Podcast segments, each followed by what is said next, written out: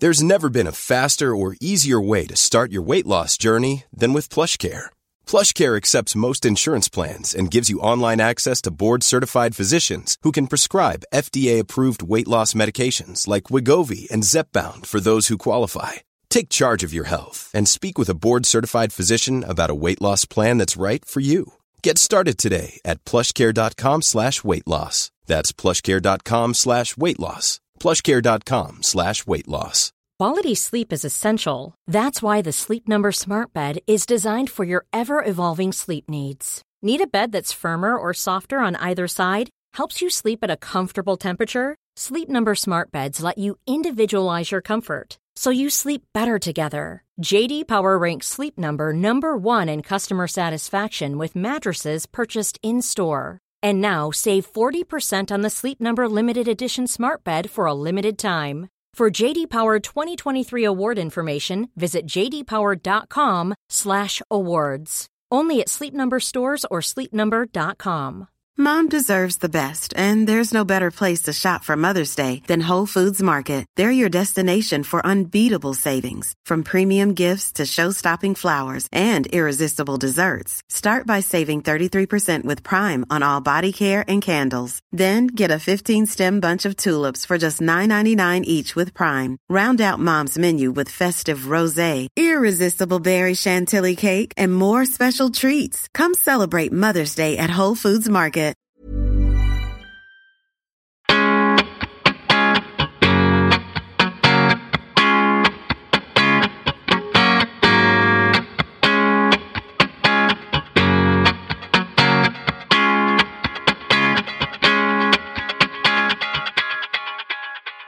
Veckans avsnitt är i samarbete med ett av Sveriges mest anrika modemärken som är raka motsatsen till slit och slängmode, nämligen vår sponsor Stenströms. Alltså hur stolt kan man vara över en sponsor?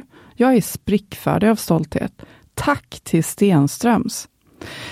Modemärket Stenströms är mest kända för herrskjortan faktiskt, men vad många kanske inte vet är att det anrika modemärket har arbetat med damplagg ända sedan 1940-talet. Och Det var en tid då det hände mycket i omvärlden och det fanns ett växande behov att även kvinnan behövde klä sig på ett nytt sätt i välskräddade plagg av fin kvalitet. Damblusen Ulla var först ut, men därefter så har sortimentet i damkollektionen, precis som på herr, vuxit till att de senaste åren även inkluderar stickat, ytterplagg, accessoarer och klänningar. Mm, och vi vill verkligen slå ett slag för vinterns festkollektion som är full av tidlösa klassiker. Fokus är på festplagg som tillåter att du kan vara lite mer kreativ med stylingen för att öka användningsområdet till både vardag och fest. Personligen så är jag sugen på den svarta sidenkjolen som verkligen är en garderobsräddare i vinter. Så fin tillsammans med en sidenblus om du vill glänsa på julmiddagen. Eller varför inte matcha med en stickad tröja för en dag på kontoret? Kollektionen finns just nu att köpa online på stenströms.com och i butik. Så in och låt dig inspireras och hitta nyckelplaggen för vinterns alla festligheter. Se mer via länken om Stenströms i vårt avsnitt.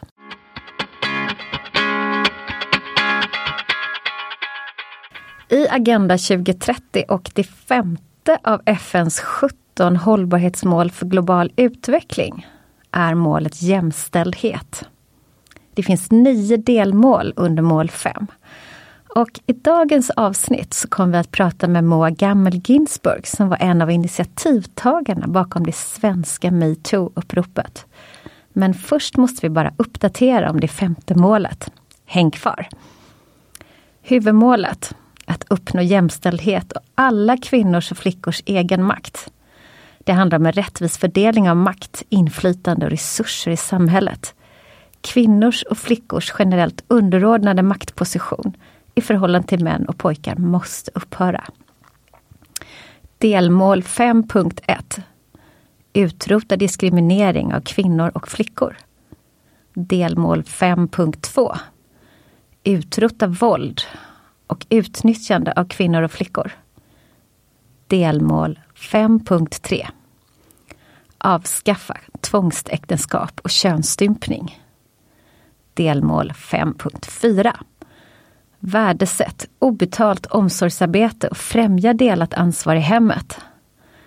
Delmål 5.5 Säkerställ fullt deltagande för kvinnor i ledarskap och beslutsfattande.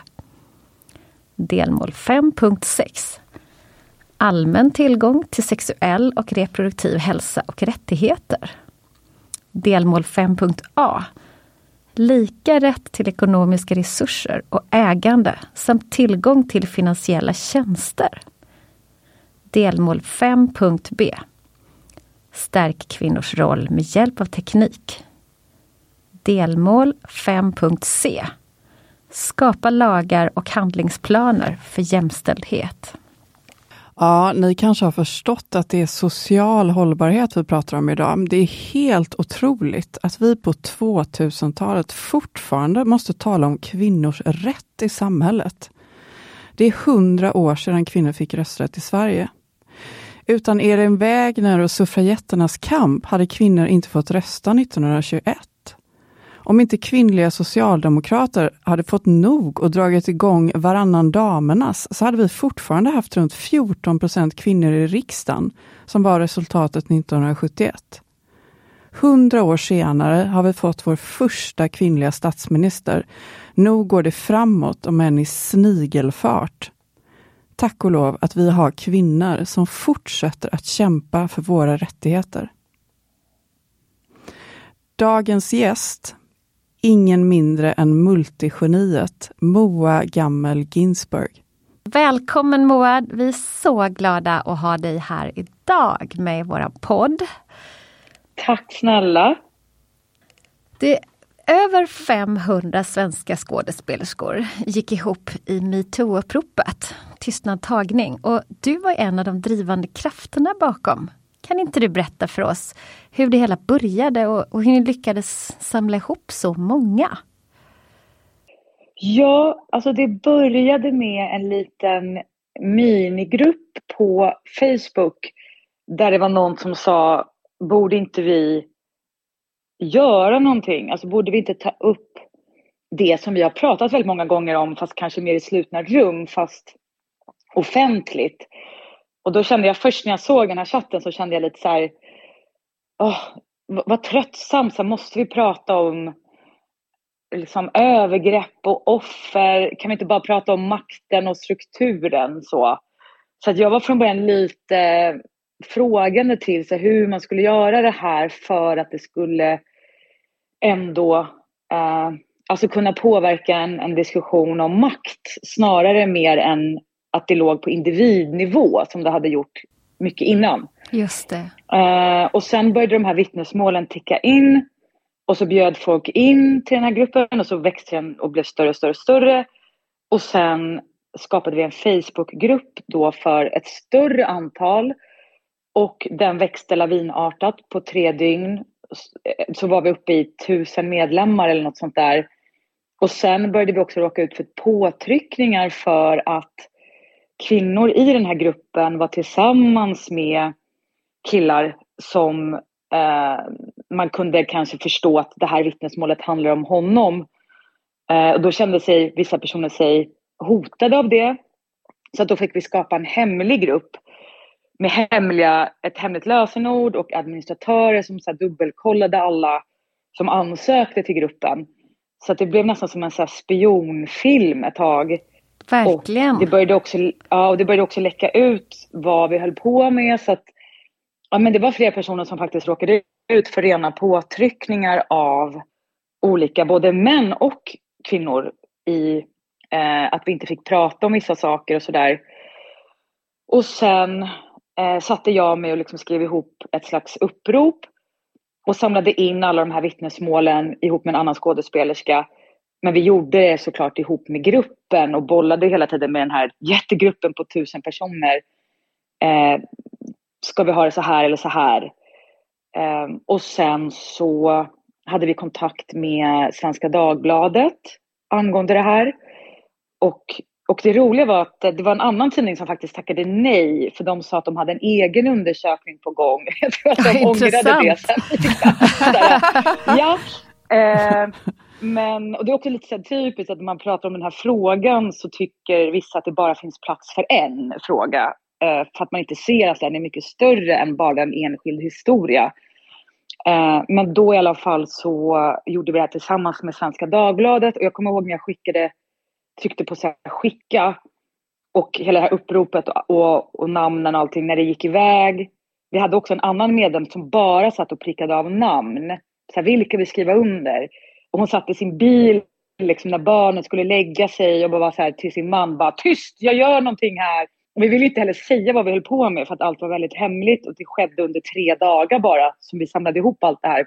Det måste Så ha varit så intensivt. hemliga agenter eh, på sin kammare liksom. Ja. Och sen skickade vi iväg det till svenskan. Och då kommer jag ihåg när jag skickade så tänkte jag att det är nog ingen som bryr sig. Tänk om det inte blir ens en notis. Liksom. Vad händer om, om det här bara kommer ut i tomma luften? Och så var jag hemma och så, så satt jag framför TV4 och så säger de så här, vi har en extrainkallad sändning med anledning av Tystnad tagning. Och Tystnad tagning var också ett namn som vi bara liksom hade tagit min man jobbar som eh, grafisk formgivare och, och mediastrateg och han bara, ni borde kanske ha en hashtag bara för att samla allting. Och jag bara, men vad ska vara då? Tystnadtagning. Så allting skedde liksom väldigt eh, snabbt. Hur kommer det sig att det på 2000-talet behövs ett metoo-upprop, Moa? Ja, det innebär väl att vi inte har kommit så långt som vi tror att vi har kommit. Och det kan man ju verkligen märka nu. Att, här, jag tror att alla som ifrågasatte om det fanns ett patriarkat kanske inte gör det längre med tanke på hur hård backlashen har varit och att pendeln har slagit tillbaka så mycket. Och jag menar, det är bara att titta på vårt upprop gjorde ju liksom allting rätt om man ska se till lagen. Vi hängde inte ut några individer. Allting var anonymiserat. Eh, vi vinnlade oss verkligen om att det skulle gå rätt till. Och sen så blev det ju även ett, eh, ett samlat metoo-upprop med alla olika upprop som gav över en åtgärdslista till Annika Strandhäll. Och trots det och trots allt det hårda jobbet, ett år senare så pratade ju varken Löfven eller Kristersson om metoo överhuvudtaget i valrörelsen. Det säger ju ganska mycket att den här frågan för många inte är så prioriterad som den verkade vara. Nej.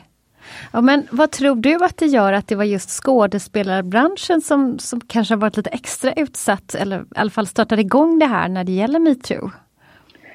Alltså om jag ska vara cynisk så tror jag att, att eh, press tyckte att det var mer intressant att skriva om kända namn i början. Och det var därför det fick en sån impact.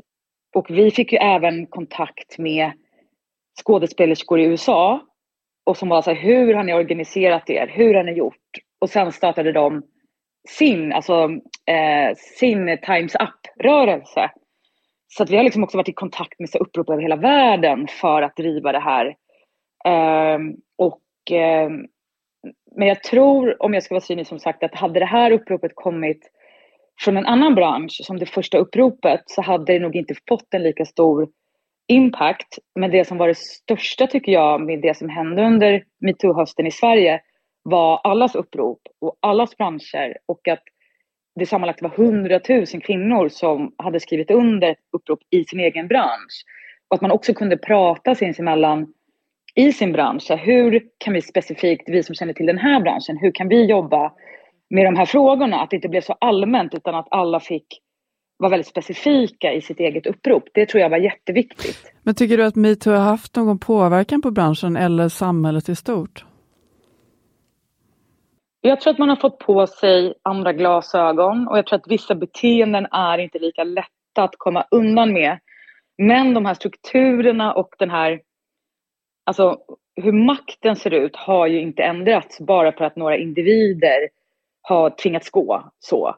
Och det tycker jag blir ganska tydligt att eh, det finns ju namn i vår bransch som har förekommit under, alltså i väldigt många vittnesmål.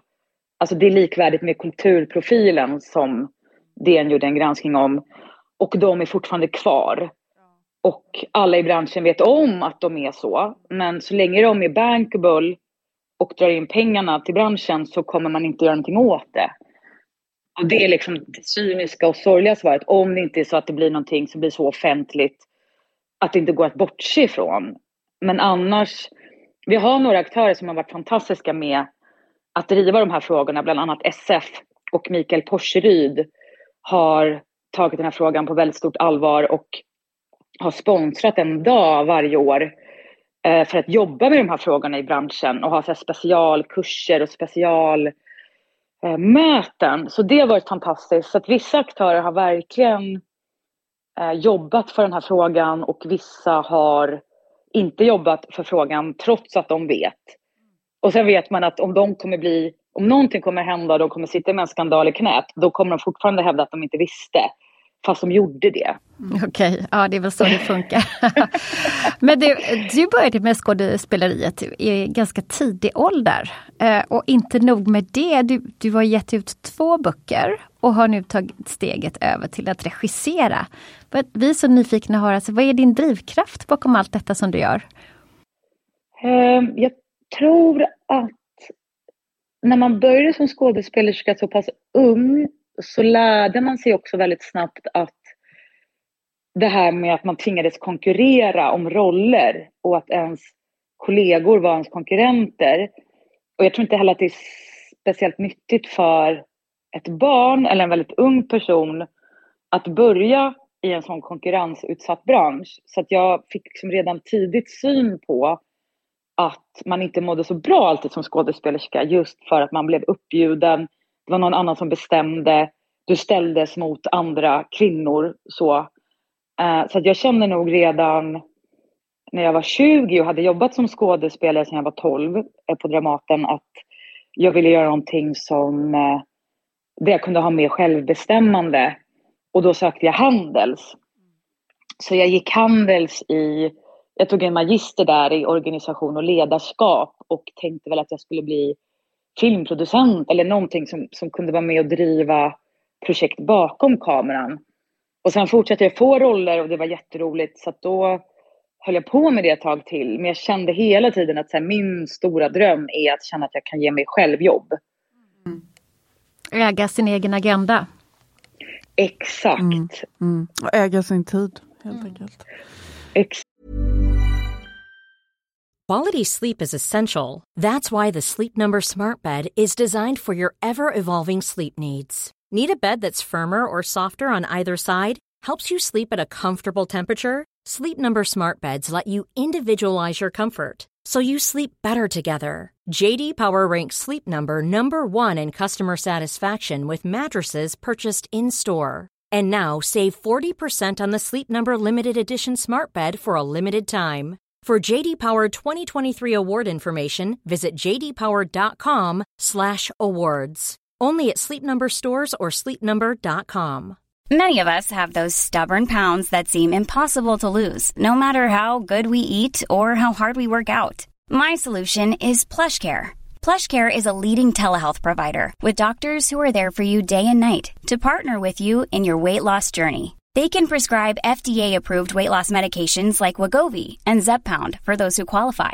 Plus, they accept most insurance plans. To get started, visit plushcare.com slash weight loss. That's plushcare.com slash weight loss. Cool fact, a crocodile can't stick out its tongue. Also, you can get health insurance for a month or just under a year in some states. United Healthcare short-term insurance plans, underwritten by Golden Rule Insurance Company, offer flexible, budget-friendly coverage for you. Learn more at uh1.com. Mom deserves the best, and there's no better place to shop for Mother's Day than Whole Foods Market. They're your destination for unbeatable savings, from premium gifts to show-stopping flowers and irresistible desserts. Start by saving 33% with Prime on all body care and candles. Then get a 15-stem bunch of tulips for just $9.99 each with Prime. Round out Mom's menu with festive rosé, irresistible berry chantilly cake, and more special treats. Come celebrate Mother's Day at Whole Foods Market. Hey there, it's Michelle Norris. I'm host of a podcast called Your Mama's Kitchen. When I travel, I'm usually looking for a way to find a taste of home when I'm not at home. And one of the things I love to do when I am at home is entertain. And Airbnb allows me to do that. When I was in California recently, I rented a house that had a great kitchen. And when we were sitting around the table, we were all thinking, we're in someone else's house. Someone could be in all of our homes as well. If you have a home, but you're not always at home, you have an Airbnb. Your home might be worth more than you think. Find out how much at airbnb.com slash host. I din debutroman Gertrud som bygger på Hjalmar Söderbergs drama från 1907 så kan man följa en före detta modell med skådespelarambitioner som försöker navigera mellan de tre männen i hennes liv. Är det en bild av hur kvinnor har det idag? Förresten, jag måste bara säga, jag älskade den boken. Jag har läst den. Är det sant? Mm. Vad kul, vad glad jag blir. Jag gav ju ut den i något slags corona-vakuum, så man har liksom ingen koll på så här, finns den där boken ens? För att man fick ju inte åka och liksom lä träffa läsare överhuvudtaget. Så det var en väldigt speciell känsla i hela boken som gör att man liksom inte kan slita sig. Den var väldigt, den känns väldigt filmisk. Jag började tänka så här, hur kommer den här se ut i film? Vad roligt! Jag håller ju faktiskt på med ett filmmanus på den. Ja! Som nu utspelar Ja, sig bravo, på. Island. Så det blir en väldigt nordisk produktion. Vi får se om det går i Island eller om den hamnar i LA. Men Vad hette den där filmen? Jag fick samma känsla som Sofia Coppola gör, där de är på Chateau nej, vad kul! Vad heter Var, oh, somewhere! Ja! Ja, vad roligt! Den det har verkligen varit känslan. en inspiration. Och även Ja. Lost in translation. Ja, vad kul. grann Vad kul! Ja, men det där känslan av att vara utkastad i något Ja. främmande. Ja. Och, eh, Jag har nu gett den boken i alla fall vidare till min uh, gudmor som jag delar böcker med. Hon är 76. Jag sa läs den här. Så, så Vad får tycker liksom hon? Har hålla- hon läst Nej den? men, nej, men hon är liksom, jag får övertala henne, fick jag liksom pusha henne lite. Du får ge en lite inspiration här nu Nej med men Moa. hon, ja precis, ja, absolut. Och tror du Moa att det är liksom den bilden eller den världen som, som kvinnor lever i idag som, som din bok speglar? Ja, alltså om man ska vara cynisk så är det väl ja. Och jag skrev också den, tror jag, i mitt mörkaste när jag var mitt inne också i arbetet med tysta, sna- tysta tagning och liksom alla de historierna som kom fram där. Det är ju jätte, jättemånga historier som, som inte allmänheten känner till, vilket gjorde att man blev eh, ja, men man fick liksom en världsbild som också på ett sätt var väldigt skev för att man blev väldigt hatisk och väldigt upprörd över att det såg ut som det gjorde. Så att den boken jag skriver nu handlar faktiskt om tre kvinnor som på olika sätt skyddar en man som anklagas för att vara förövare. För att jag ville förstå de här kvinnorna som ringde upp till andra vittnen i tystnadtagning. Eller de här kvinnorna som väljer att fortsätta leva med män som har som anses vara en förövare. Alltså hur Ja. funkar den psykologin? Alltså det finns ju en framsida och en baksida på allt.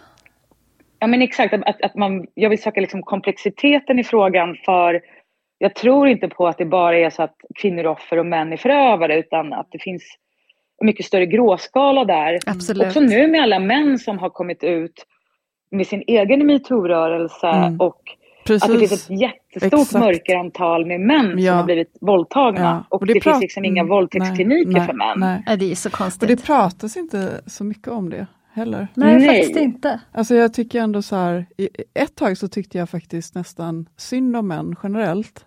För, Ja. att, för att man märkte att de var så otroligt vaksamma. Alltså ingen vågade typ nästan så ge dig en kram. Alltså för det blev liksom, Det blev rätt hett ett tag där. ja. Men du, eh, eh, den här podcastsuccén Genier. Där intervjuar du ju dina idoler. Va, vad tror du det var i den som gjorde att den blev så omåttligt populär? Jag tror att alltså, den kom i en tid, 2014, där de flesta poddarna bestod av två män som pratade med varandra. Och när det fanns kvinnliga poddar så var det mycket prat om ja, men kanske familjen och kläder och, och smink. Och, så, och, och det var inget fel med det, men jag ville liksom prata med kvinnor om deras yrkeskunnande och om deras kompetens. Och det var också ett jättesjälviskt projekt för att jag ville bara säga, gud vad lyxigt att få sitta med Susanne Brögger i Danmark i hennes kök och bara prata om hennes liv. Jag kommer ihåg när du intervjuade Malou von Sivers, det var suveränt. Ja, exakt. men det var underbart att få, också för dem att få känna, det var jättesorgligt för Birgitta Stenberg, jag gjorde ju hennes sista intervju och hon, hon var man är liksom så rörd över att hon fick komma och prata om sig själv på det här sättet. Oh, och då blir man också väldigt ledsen över att hon inte hade känt den uppskattningen tidigare riktigt. Och då blir man så här, vad, vad är det för fel? Och många av de här äldre kvinnorna eh, som är fantastiska konstnärer, många av dem levde bara på existensminimum. Ja. Och hade ingen förmögenhet överhuvudtaget. Om man jämför med männen i deras ställning så har ju de en helt annan ekonomi. Mm. Och bara där var det så sorgligt i att det blev så tydligt hur de ekonomiska villkoren ser ut för kvinnliga konstnärer respektive manliga konstnärer. Mm. Och det kanske lever, jag hoppas att det håller på att förändras men det finns ju fler historier om det om man tittar bakåt. Ja, verkligen. Och jag tror, alltså i och med att vi lever i den typ av verklighet som vi lever i, så för mig att tjäna egna pengar är en väldigt feministisk handling. Att hela tiden känna att man, man klarar sig själv och man kan skilja sig om det skulle vara så. Eller man kan ta hand om sitt barn ensam om det skulle vara så. Och man kan ta hand om sig själv. Det har också varit en väldigt stark drivkraft för mig att känna att man har en ekonomi nog att kunna fatta självständiga beslut. Och jag tror att så 70 procent i alla storstäder av kvinnorna har inte råd att skilja sig för att deras lön inte gör att de kan hitta en egen lägenhet till exempel för sina barn. Ja, ehm, det är hemskt. Så det är, ja, det är väldigt skeva siffror. Är det någon skillnad på att vara regissör som kvinna än man? Svår fråga att alltså, svara på, men nej, vad men jag, tror du? Jag tror absolut att, alltså nummer ett så är kvinnor på något sätt så som man också blivit uppfostrad av att verkligen här, ta in sin omgivning, stötta sin omgivning, hela tiden pen, alltså, pejla av andra. Det är en fantastisk egenskap som regissör. Så de gånger jag regisserar så känner jag verkligen så här, wow, här får man verkligen utnyttja det där som man är van vid och vant sig vid hela livet. Att nu blir det något positivt, att man kan se och stötta och driva eh, och allt sånt där. Men två, så tror jag att det är väldigt svårt fortfarande för kvinnliga regissörer att ens vara kvinnliga regissörer för att det är ett yrke som kräver att du har Alltså du måste ha ett sånt fokus att här, det är bara det här som just nu är viktigt. Och det, man spelar oftast in eh, antingen andra städer eller utomlands. Och är borta i tre månader. Och bara en sån arbetssituation är ju mycket svårare för kvinnor att vara i än för män. Eh, och då kräver det att man har en partner som är väldigt förstående och stöttande och som förstår det och som att man kan hitta sätt att man ändå kan träffa sitt barn. Men det är ett väldigt, väldigt tufft yrke att vara kvinna i och speciellt att vara kvinna och mamma i. Du och jag har haft kontakter tidigare och, och connectat liksom i, genom modevärlden. Ja. Och det var ju alltid, känns som att du är liksom älskar, intresserad av mode. Jag älskar vackra saker. Vi har precis byggt om vår um, garderob så nu ser man allting. Och jag är så oh, glad underbar. för att så här, ha, ha överblick på allt fint. Vad betyder mode för dig? Alltså, jag tycker att det är ett, ett väldigt lätt sätt att på något sätt känna harmoni. Att man har på sig saker som man är bekväm i och som man känner sig fin i. Och det är på samma sätt som när man som skådespelare jobbar med kostymen som man har i karaktären. Att kostymen påverkar karaktären väldigt mycket och påverkar kroppsspråket och, och påverkar hur man på något sätt för sig. Och det är samma sak med kläder och mode. Och sen är det det där dilemmat att så här, hur handlar man hållbart och hur tänker man kring ett cirkulärt mode och hur mycket nytt köper man respektive eh, vintage och så. Och det är klart att det är någonting man hela tiden eh, grunna på och har ett dåligt samvete kring eh, hur man ska liksom manövrera sig. i det ja. där. Men, men Moa, jag blev så nyfiken, om du skulle beskriva din stil, har du liksom en... Hur ser din favoritstil ut? Alltså min, min stilikon är ju eh, Karin, Karin Bissey Kennedy. Ja. Alltså så 90-tals ja. minimalism. Mm. Calvin Klein. Älskar jag. Ja. ja, Calvin Klein och också Helmut Lang när han hade den här de här tröjorna med hål för armarna som bara var liksom jätte... De har jag försökt hitta nu på Vestivair men jag har inte hittat det. men, och Margiela och jag jobbade ju också på Ljus, den här fantastiska butiken i Stockholm eh, med Ulrika som också har jobbat med många modeprofiler och sådär. Och hon har ju fantastisk smak och där plaggen som jag har med mig därifrån, jag jobbade extra där när jag pluggade på Handels typ 2004 till 2008 eller någonting och de plaggen har jag fortfarande kvar. Ja, så bra kvalitet. Och de håller, så bra och de är, kvalitet. Ja, men, och det är alltså, verkligen det är liksom, hållbart för att ja, ja. Den där minimalismen, ja. liksom, den blir aldrig omodern. Nej. Så då märker man verkligen hur viktigt det är att såhär, tänka efter vad man verkligen behöver, köpa saker med kvalitet, Precis. inget slit och släng. Men också försöka köpa mycket, mycket vintage och hitta de där fantastiska eh, kläderna också på Vestivair eller på andra andrahandssajter. Precis, och framförallt kanske just det här med att använda plaggen längre. Alltså det är lite det Exakt. som vi, vi inte gör idag. Men jag tycker just det du sa, just att man liksom jag kan nästan, när jag hittar plagg, eller hittar plagg, men om man liksom upptäcker ett plagg som man inte har sett på länge i garderoben som du köpte för tio år sedan och så inser du att ja, men jag är sugen på att använda det här. Det är då man ofta får liksom en sån här kvitto på att kvalitet lönar sig. Jag och Kristina vi är väldigt så här förespråkare av bra kvalitet och vi vet ofta att man får betala lite mer men å andra sidan så, så håller det ju faktiskt. Men å andra sidan kan jag bli väldigt arg när väldigt dyra saker har dåliga kvaliteter i materialen. Då blir man så här, men vad fan, så nu, för det här priset så borde jag få bra kvalitet i materialet. Så, så att sånt kollar jag alltid eh, vad, vad ett plagg har för eh, innehållsförteckning. Gör du det? Där, så att man vet att det ja, håller. Ja, ja. Men vad, in, vad innebär hållbarhet för dig, Moa? Det är ett väldigt vitt begrepp, men liksom... Ja, och jag tror att jag har en förmåga att...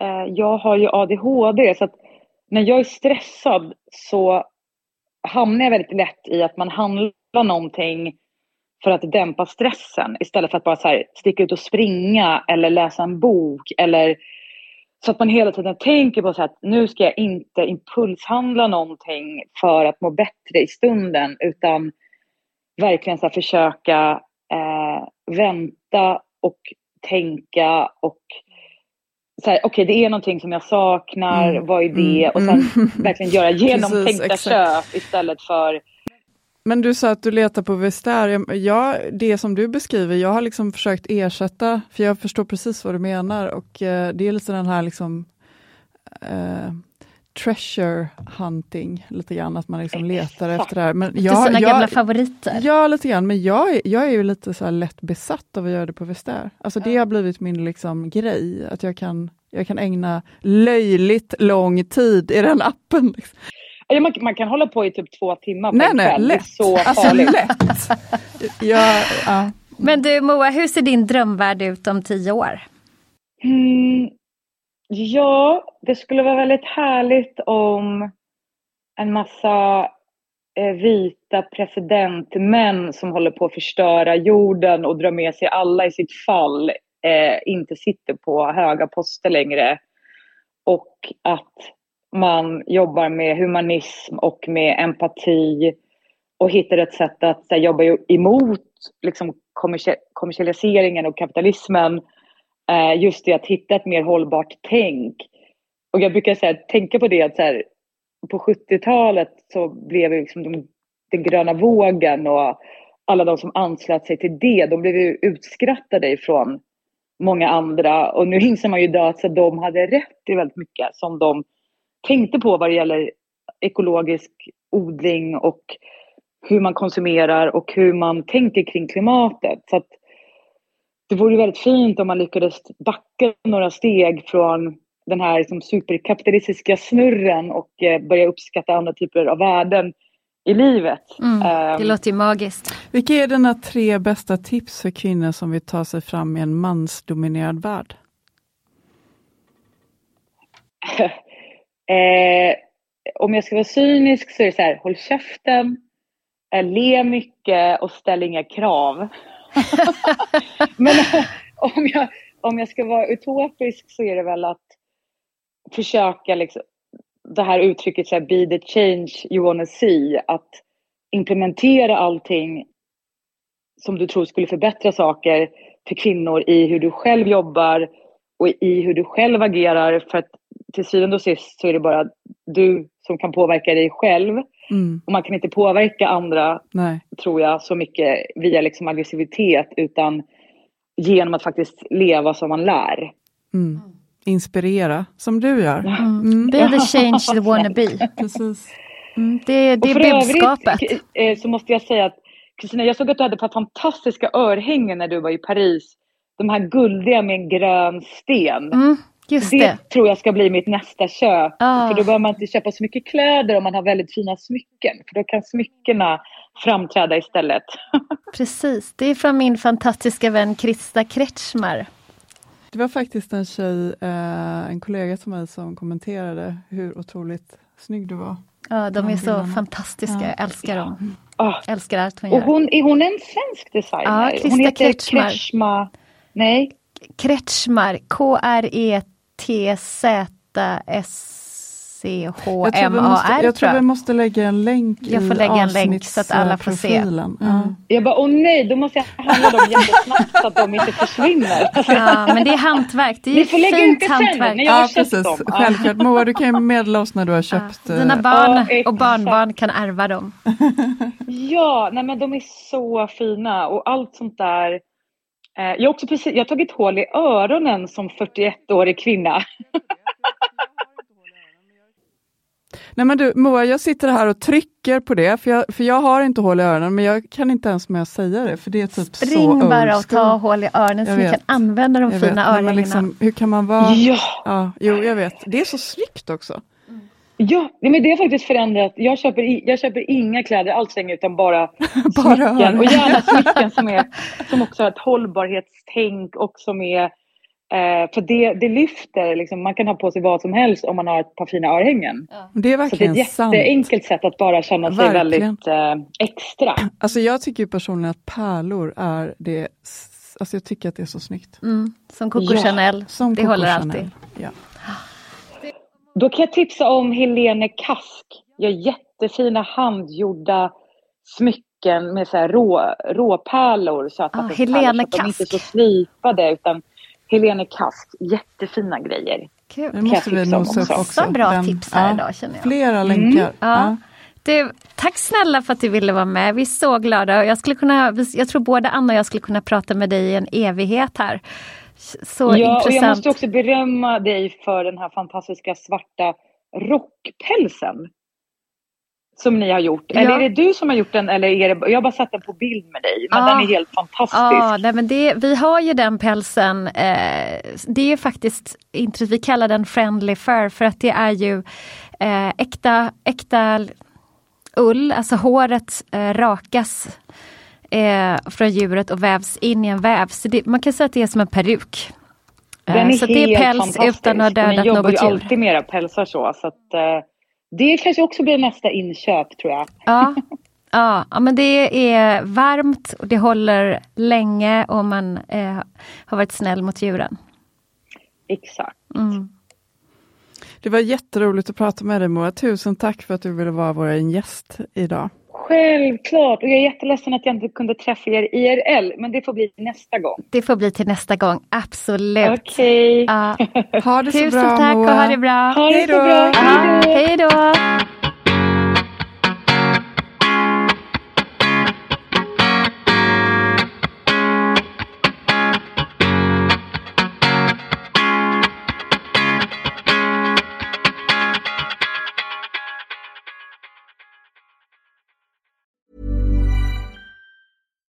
Deserves the best, and there's no better place to shop for Mother's Day than Whole Foods Market. They're your destination for unbeatable savings, from premium gifts to show-stopping flowers and irresistible desserts. Start by saving 33% with Prime on all body care and candles. Then get a 15-stem bunch of tulips for just $9.99 each with Prime. Round out Mom's menu with festive rosé, irresistible berry chantilly cake, and more special treats. Come celebrate Mother's Day at Whole Foods Market.